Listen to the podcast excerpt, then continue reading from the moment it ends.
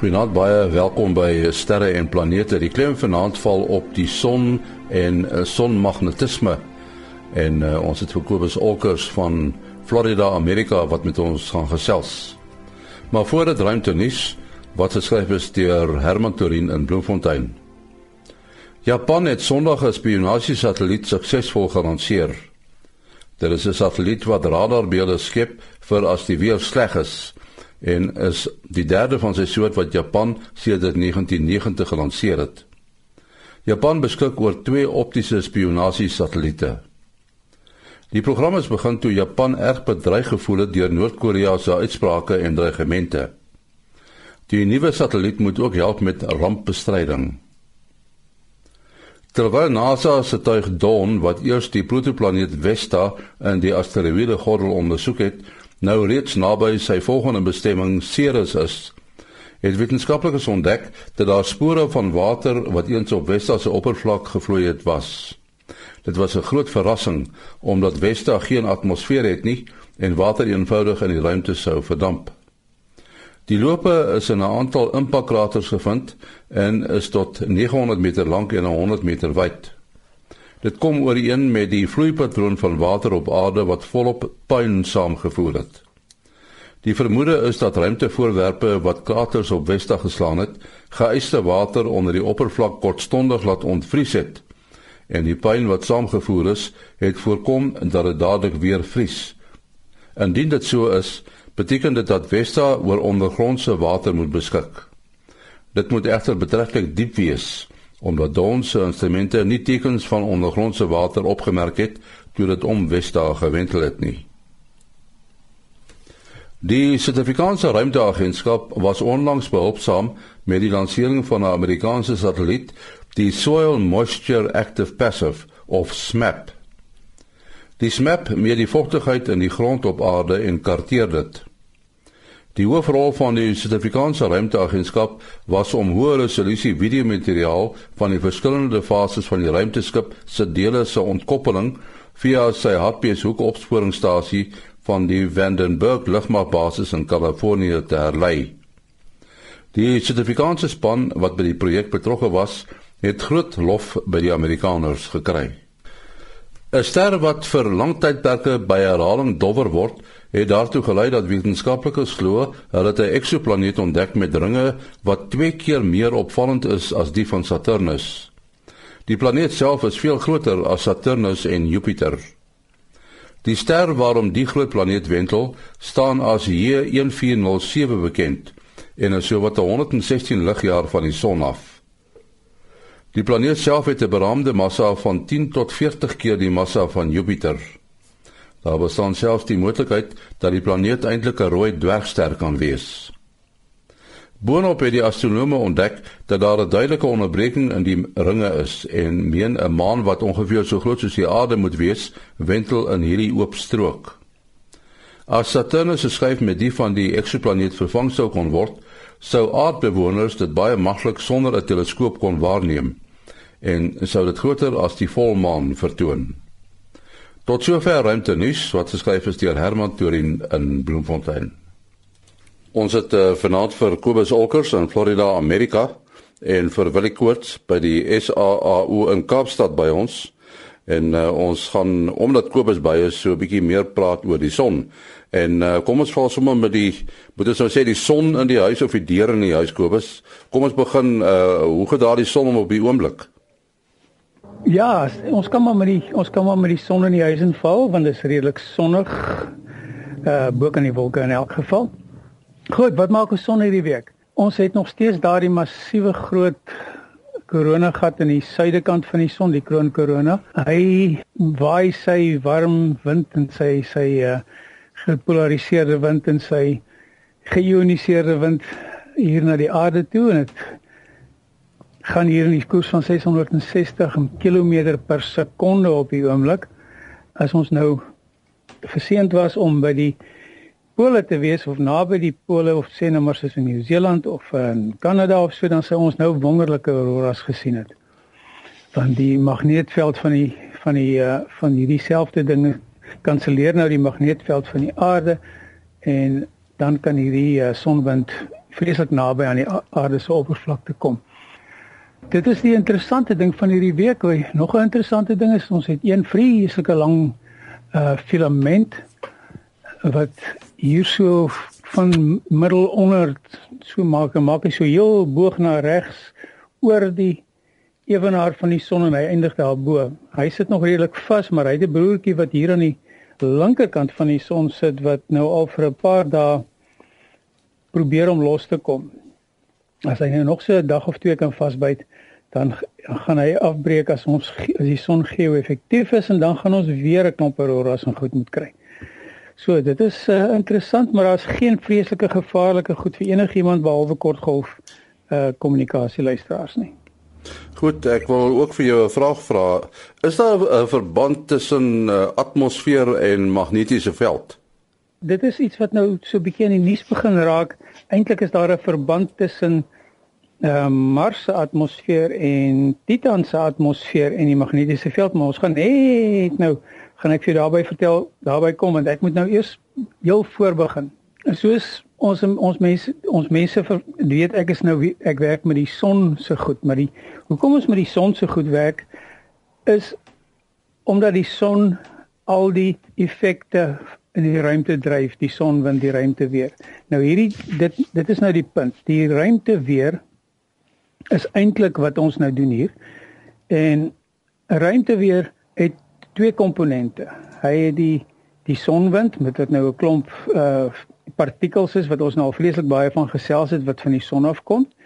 Maar een ding waarvan ons baie baie keer vergeet is die magnetisme, die magneetveld van die aarde beïnvloed die sonwind uh hoe die sonwind ons uh ons raak hier op aarde. Kom ons kyk eers na die aarde self. Die aarde is soos 'n staafmagneet. Hy het 'n magneetpool of 'n magneet binne in hom. Ek glo nie ons hoef uh, te gesels hoe hy vorm nie. Ons kan net nou dalk vir interessantheidshalwe, maar vir alle praktiese doeleindes is daar 'n staafmagneet van so 'n paar duisend kilometer onder die oppervlakte by die noordpool van die aarde tot by die suidpool van die aarde ook 'n paar duisend kilometer onder die oppervlakte. En as ons nou kan onthou van ons skool daar toe ons met die magnete in die in die klas gespeel het. Dan het so 'n magneetveld mos veldlyne. Ons sal almal onthou hoe ons hierdie magneet onder die tafel gesit het of onder 'n stuk perspex gesit het of so iets en ons strooi ons ystervysels bo-op of papierknippies of spelde of so iets en dan sien ons nou ons kan dit maar almal probeer uh by die huis.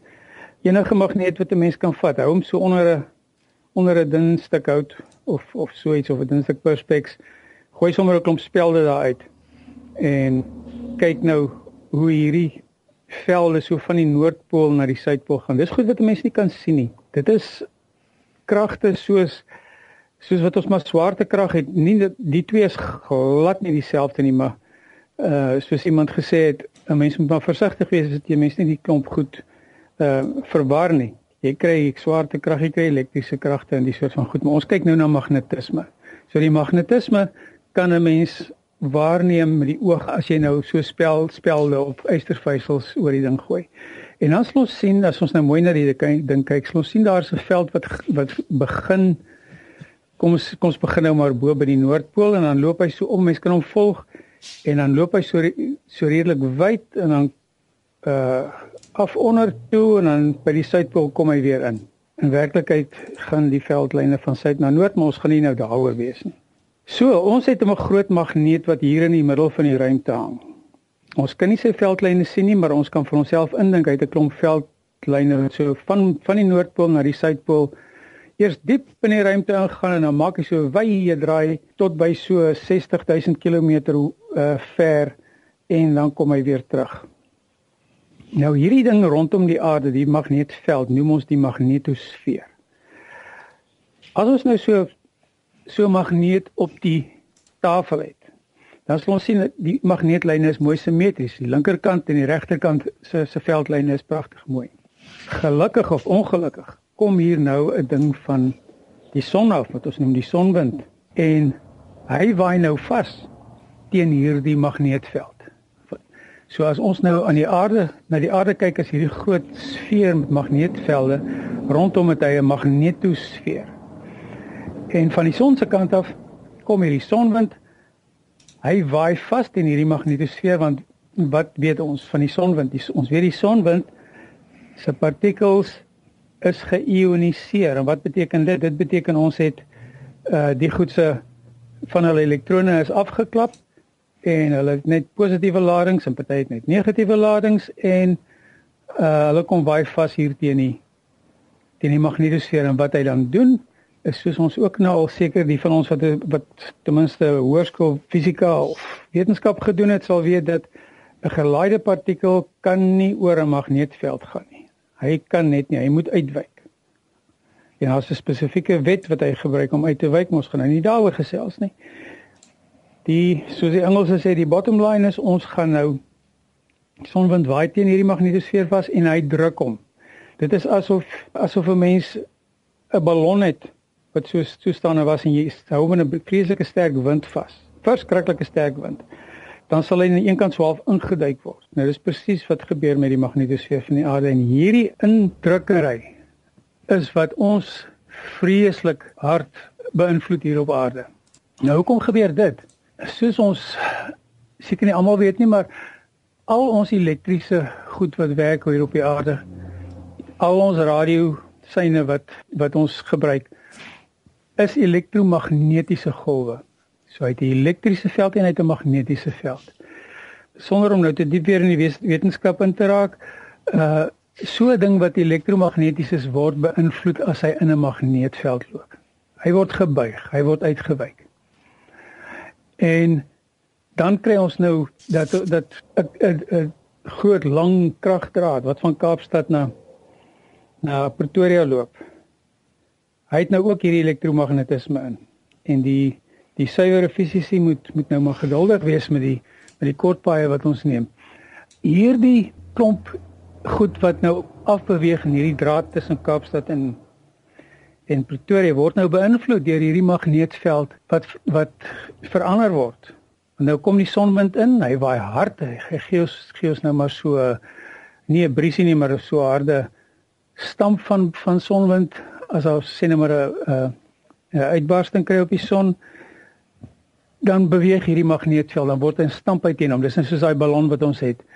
Punt op kant word gestamp hy vibreer en wat in ons geval dan gebeur is die magneetlyne hierdie magneetlyne wat ons nou op die tafel waargeneem het wat ook nou om die aarde is hulle beweeg en dit weet enige iemand wat nou al uh, met uh, met 'n fiets se generator gewerk het of so iets as jy oomblik as jy ding mag uh elektrisiteit beweeg binne 'n magneetveld dan kry jy elektriese stroom. In hierdie geval beweeg die magneetveld so ons kry strome wat geïndiseer word in hierdie lang kraglyne en as hy as hy hard genoeg stamp kry is hierdie strome so groot dat hy die transformators langs langs die pad kan blaas dat hy die selfs in sekere gevalle het ons al gesien daar in die verre noorde van van Europa het hy so hard uh so hard gestamp dat hy die ehm um, lyne blaas so sekering soos fuses. So dit is ons eerste ding wat ons sien hoe magnetisme ons beïnvloed ons moderne mense. Maar kom ons gaan nou stap nou so een stapie terug. Wat doen hierdie hierdie sonwind wat so aankom? Hy waai teen Wel op die oomblik is dit 660 km per sekonde. Alhoewel hy baie dun is, is hy 'n wind. En hy waai so hard dat hy probeer om die lug, die atmosfeer rondom die aarde, en nou kom ek weer by jou antwoord hy nie, dat hy die atmosfeer rondom die aarde probeer wegwaai. Maar omdat ons nou hierdie groot magneetveld rondom ons het, kom hierdie sonwindpartikels van die son se koers af Hulle loop hulle self vas teen die magnetosfeer. Hulle druk hom wel in en hulle be en hulle beweeg hom, maar hulle word basies gedeflekteer. Soos wat as 'n mens nou voor in 'n in 'n boot sit en jy sien die wat noem as die voorkant van 'n boot, die boeg, as hy nou so deur die water gaan, uh, dan druk hy die water so water so weg dat hy so weerskante van hom verbygaan. Ons het presies dieselfde effek nou met die sonwind en die aarde. Die magneetveld werk soos die boeg van 'n skip. Hy druk die die sonwind weg en hierdie sonwind kom nie by ons uit om ons hierso weg te waai nie. Nou kan ons net van die soort van ding praat. Ehm um, baie maklik. Ons kan gaan kyk na Mars. Ons gaan kyk ons gaan kyk na Titan en ander en ander hemelliggame in ons in ons sonnestelsel. Mars het op 'n stadium 'n atmosfeer gehad. Hy het nie meer een nie. Hoekom? Sy magneetveld het verdwyn. Die magneetveld wat hy gehad het, het dieselfde gedoen as wat by die aarde was. Hy het die sonwind van hom af weggehou, maar Mars se uh se magneetveld het verdwyn met 'n proses wat wat nog steeds aan die ondersoek is. Hulle vermoed dat hy maar net dat sy geologiese aktiwiteit het net baie stadig geraak. Wat het gebeur? Die sonwind het oor 'n paar miljoen jaar gewaai en gewaai en gewaai en het elke laaste bietjie atmosfeer wat daar omtrent was op Mars het hy skoonveld weggewaai in die in die ruimte in. So vandag moet 'n mens jou eie suurstof saamdra as jy daar wil stap. Die effek van die sonwind uh, die neem natuurlik af hoe verder jy weg van die son is. Hy word 'n bietjie dunner want soos 'n mens nou sien kom hy van die son af. Uh en hy en hy naby aan die son is die is is is die uh straaltjies sien nou maar van die sonwind is redelik naby aan mekaar, so hy's lekker dig verder by Mars is hy bietjie dunner, maar die son, die sonnetyd aan sy kant. Hy waai daai wind en hy waai hom en hy waai hom. En hy hou net nie op nie. En in 'n in 'n film genoeg tyd en hy waai alles weg. Op die oomblik is die sonwind nou flou genoeg by Mars, wel die sonwind het eintlik verander al hierdie tyd nie, maar daar's nou ekwilibrium. Die die sonwind waai nog steeds. Daar is nog gasse wat uit Mars uit sublimeer.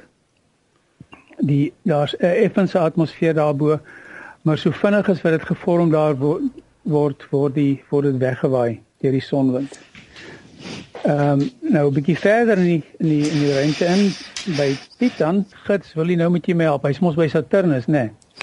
Ja, sover ek weet is Titan die grootste maan van Saturnus en ek dink amper die grootste maan in die sonnestelsel as ek dit reg het.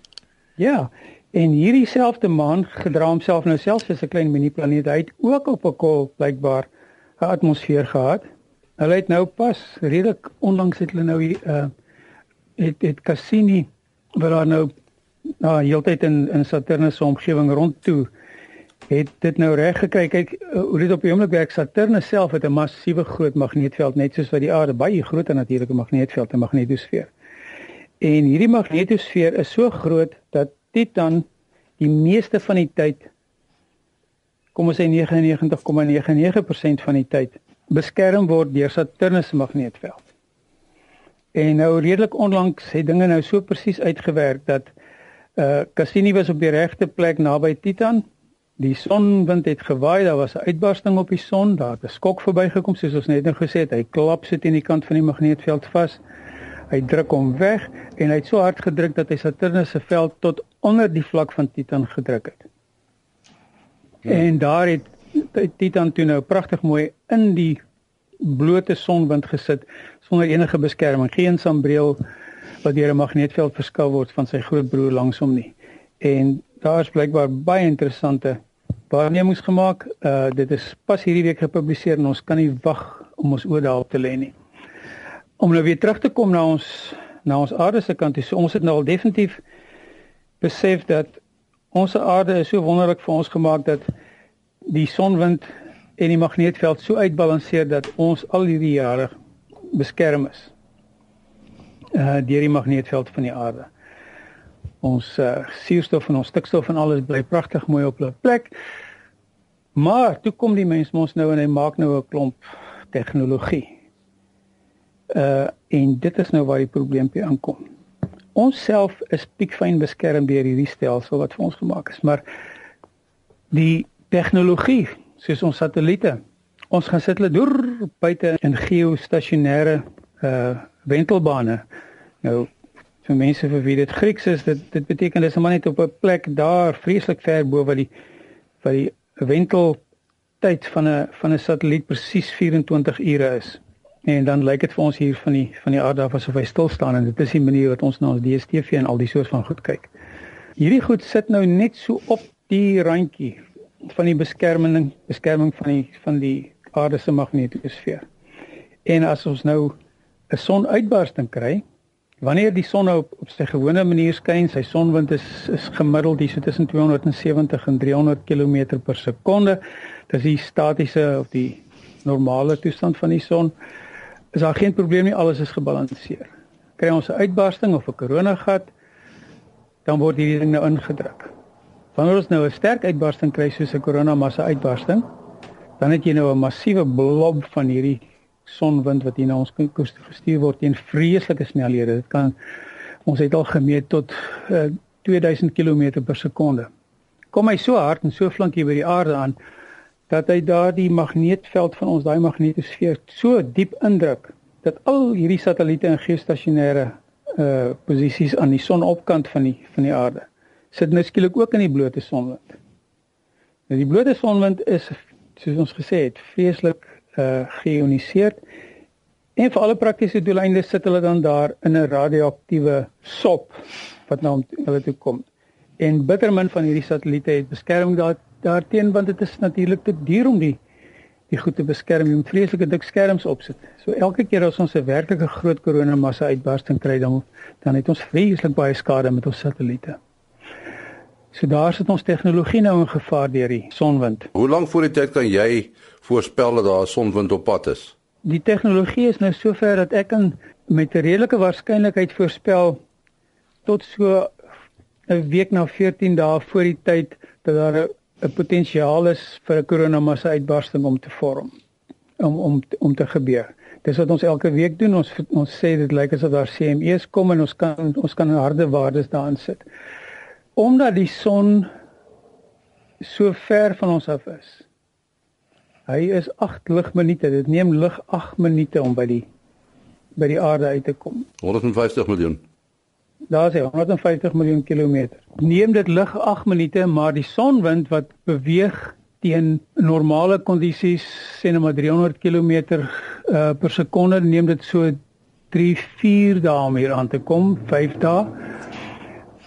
En wanneer ons 'n korona massa uitbarsting kry, dan kan dit in so min as 12 ure uh kan dit hier aankom. So ons kan dit waarneem. Ons weet presies wat die magnetiese oriëntasie is van die aktiewe aktiewe plek op die son. Ons kan ons kan daarna kyk met 'n magnetogram wat op hierdie wonderlike satelliete van ons sit. Ons kan dit selfs van die grond af doen. En ons kan dus in die heel slegste geval het ons so omtrent 'n dag as hy as hy nou gevorm is want kyk as hy eers geskiet het dan weet ons hy's op pad. En as hy dan by ons uh ys-satelliet verbykom, dis nou 'n reeltjie wat hier so 'n miljoen kilometer van die aarde af aan die kant die maan sit en kyk na die goed, dan kan ons teen die tyd wat hy daar aankom, weet ons presies hoe vinnig hy is en wat die rigting van die magneetveld is. En dan het ons tipies in wat teen die tyd wat hy daar kom het is so 20 minute. Maar ons kan waarskuwings uitstuur vir mense soos Eskom, die kragvoorsieningsmense en vir telekommunikasie uh verskaffers uh 'n week of twee voor die tyd. Dan sien ons ons sê maar 'n 80-90% kans. Uh dan binne 3 dae voor die tyd kan ons sê ons weet nou definitief hy's op pad. En dan as hulle nou nog nie beluister nie 20 minute voor die tyd kan ons hulle presies sê Is is dit al wat jy kan doen kan jy net jou krag afsit dis uh, want Eskom of ek weet nee, Eskom sit die krag af maar ek bedoel jou jou kragvoorsieners wat doen hulle Dit is 'n groot probleem. Ons moet hulle so vroeg as moontlik kan sê en dit is hoekom ons 'n goeie ding is dat ons dit tot 'n dag voor die tyd kan sê. In in goeie gevalle tot so 3 dae voor die tyd. Ehm um, want jy kan nie sommer Eskom kan nie net 'n krag 'n skakelaar gooi en die krag is af nie. Ehm um, as jy mens gaan kyk nou hoe hierdie kraggolwe in die in die netwerk beweeg en hoe fyn so 'n netwerk gebalanseer word, dit is 'n nagmerrie om om so ding te balanseer en as jy net skielik krag verloor, dan kan gebeur wat hier in Amerika op die Ooskus gebeur het hier in die laat uh, 80s, 89s se koers. Wat die hulle het nie geweet in daai geval dat daar 'n ding op pad is nie. Ruimteweer was toe nou nog nie so uh goed aan die gang nie. Hy het 'n transformator bo in in Kanada, Quebec geblaas met hierdie krag wat ingekom het en binne minute was die hele ooskus van Amerika sonder krag. Want hierdie as as jy een ding vinnig afsit, dan blaas jy die een volgende in die pad aan en dan die een volgende. Dan is dit soos domino's wat jy jou transformators verloor. Ja, uh, ek dink ons moet daar begin afsluit. Uh dit was regtig uh, in 'n sekere sin 'n mond vol wat uh wat Kobus vir ons vertel het. Ek hoop uh, u daar by die huis begryp nou presies wat is 'n sonwind en wat is 'n magnetosfeer. Uh vir my nog 'n raaisel hoe Mars sy magnetosfeer verloor het. En uh ek het gedink daar's 'n verband tussen sy massa en die magnetosfeer, maar die ouens weet nie hoe dit ontstaan nie, né? Uh ons weet presies hoe dit werk op aarde. Ja. Wel, so 99.999% presies. En ons kan miskien dalk in 'n volgende program 'n bietjie oor hierdie meganisme gesels want dit is dit beïnvloed ons ook presies waar ons is. Die magneetveld uh byvoorbeeld in die in die omgewing van Suid-Afrika is is in 'n area waar die uh magneetveld intensiteit uh besig is om te val en daar's my waarheid te sê daar in die Suid-Atlantiese Oseaan gaan na een of ander tyd 'n suidpool uitkom. Ag 'n noordpool uitkom. So daar's groot fluks daarvan. Ons kan miskien in 'n volgende program daaroor gesels. Goed, uh, jou besonderhede Kobus. Kobus Olkers by gmail.com k o b u s o l c k e r s by gmail.com. En dan wil jy wat ook so gesit en luister dit soos ek. 0724579208. 0724579208. En my e-posadres maas.henny@gmail.com. maas.henny@gmail.com. Tot volgende week. Hoi loop.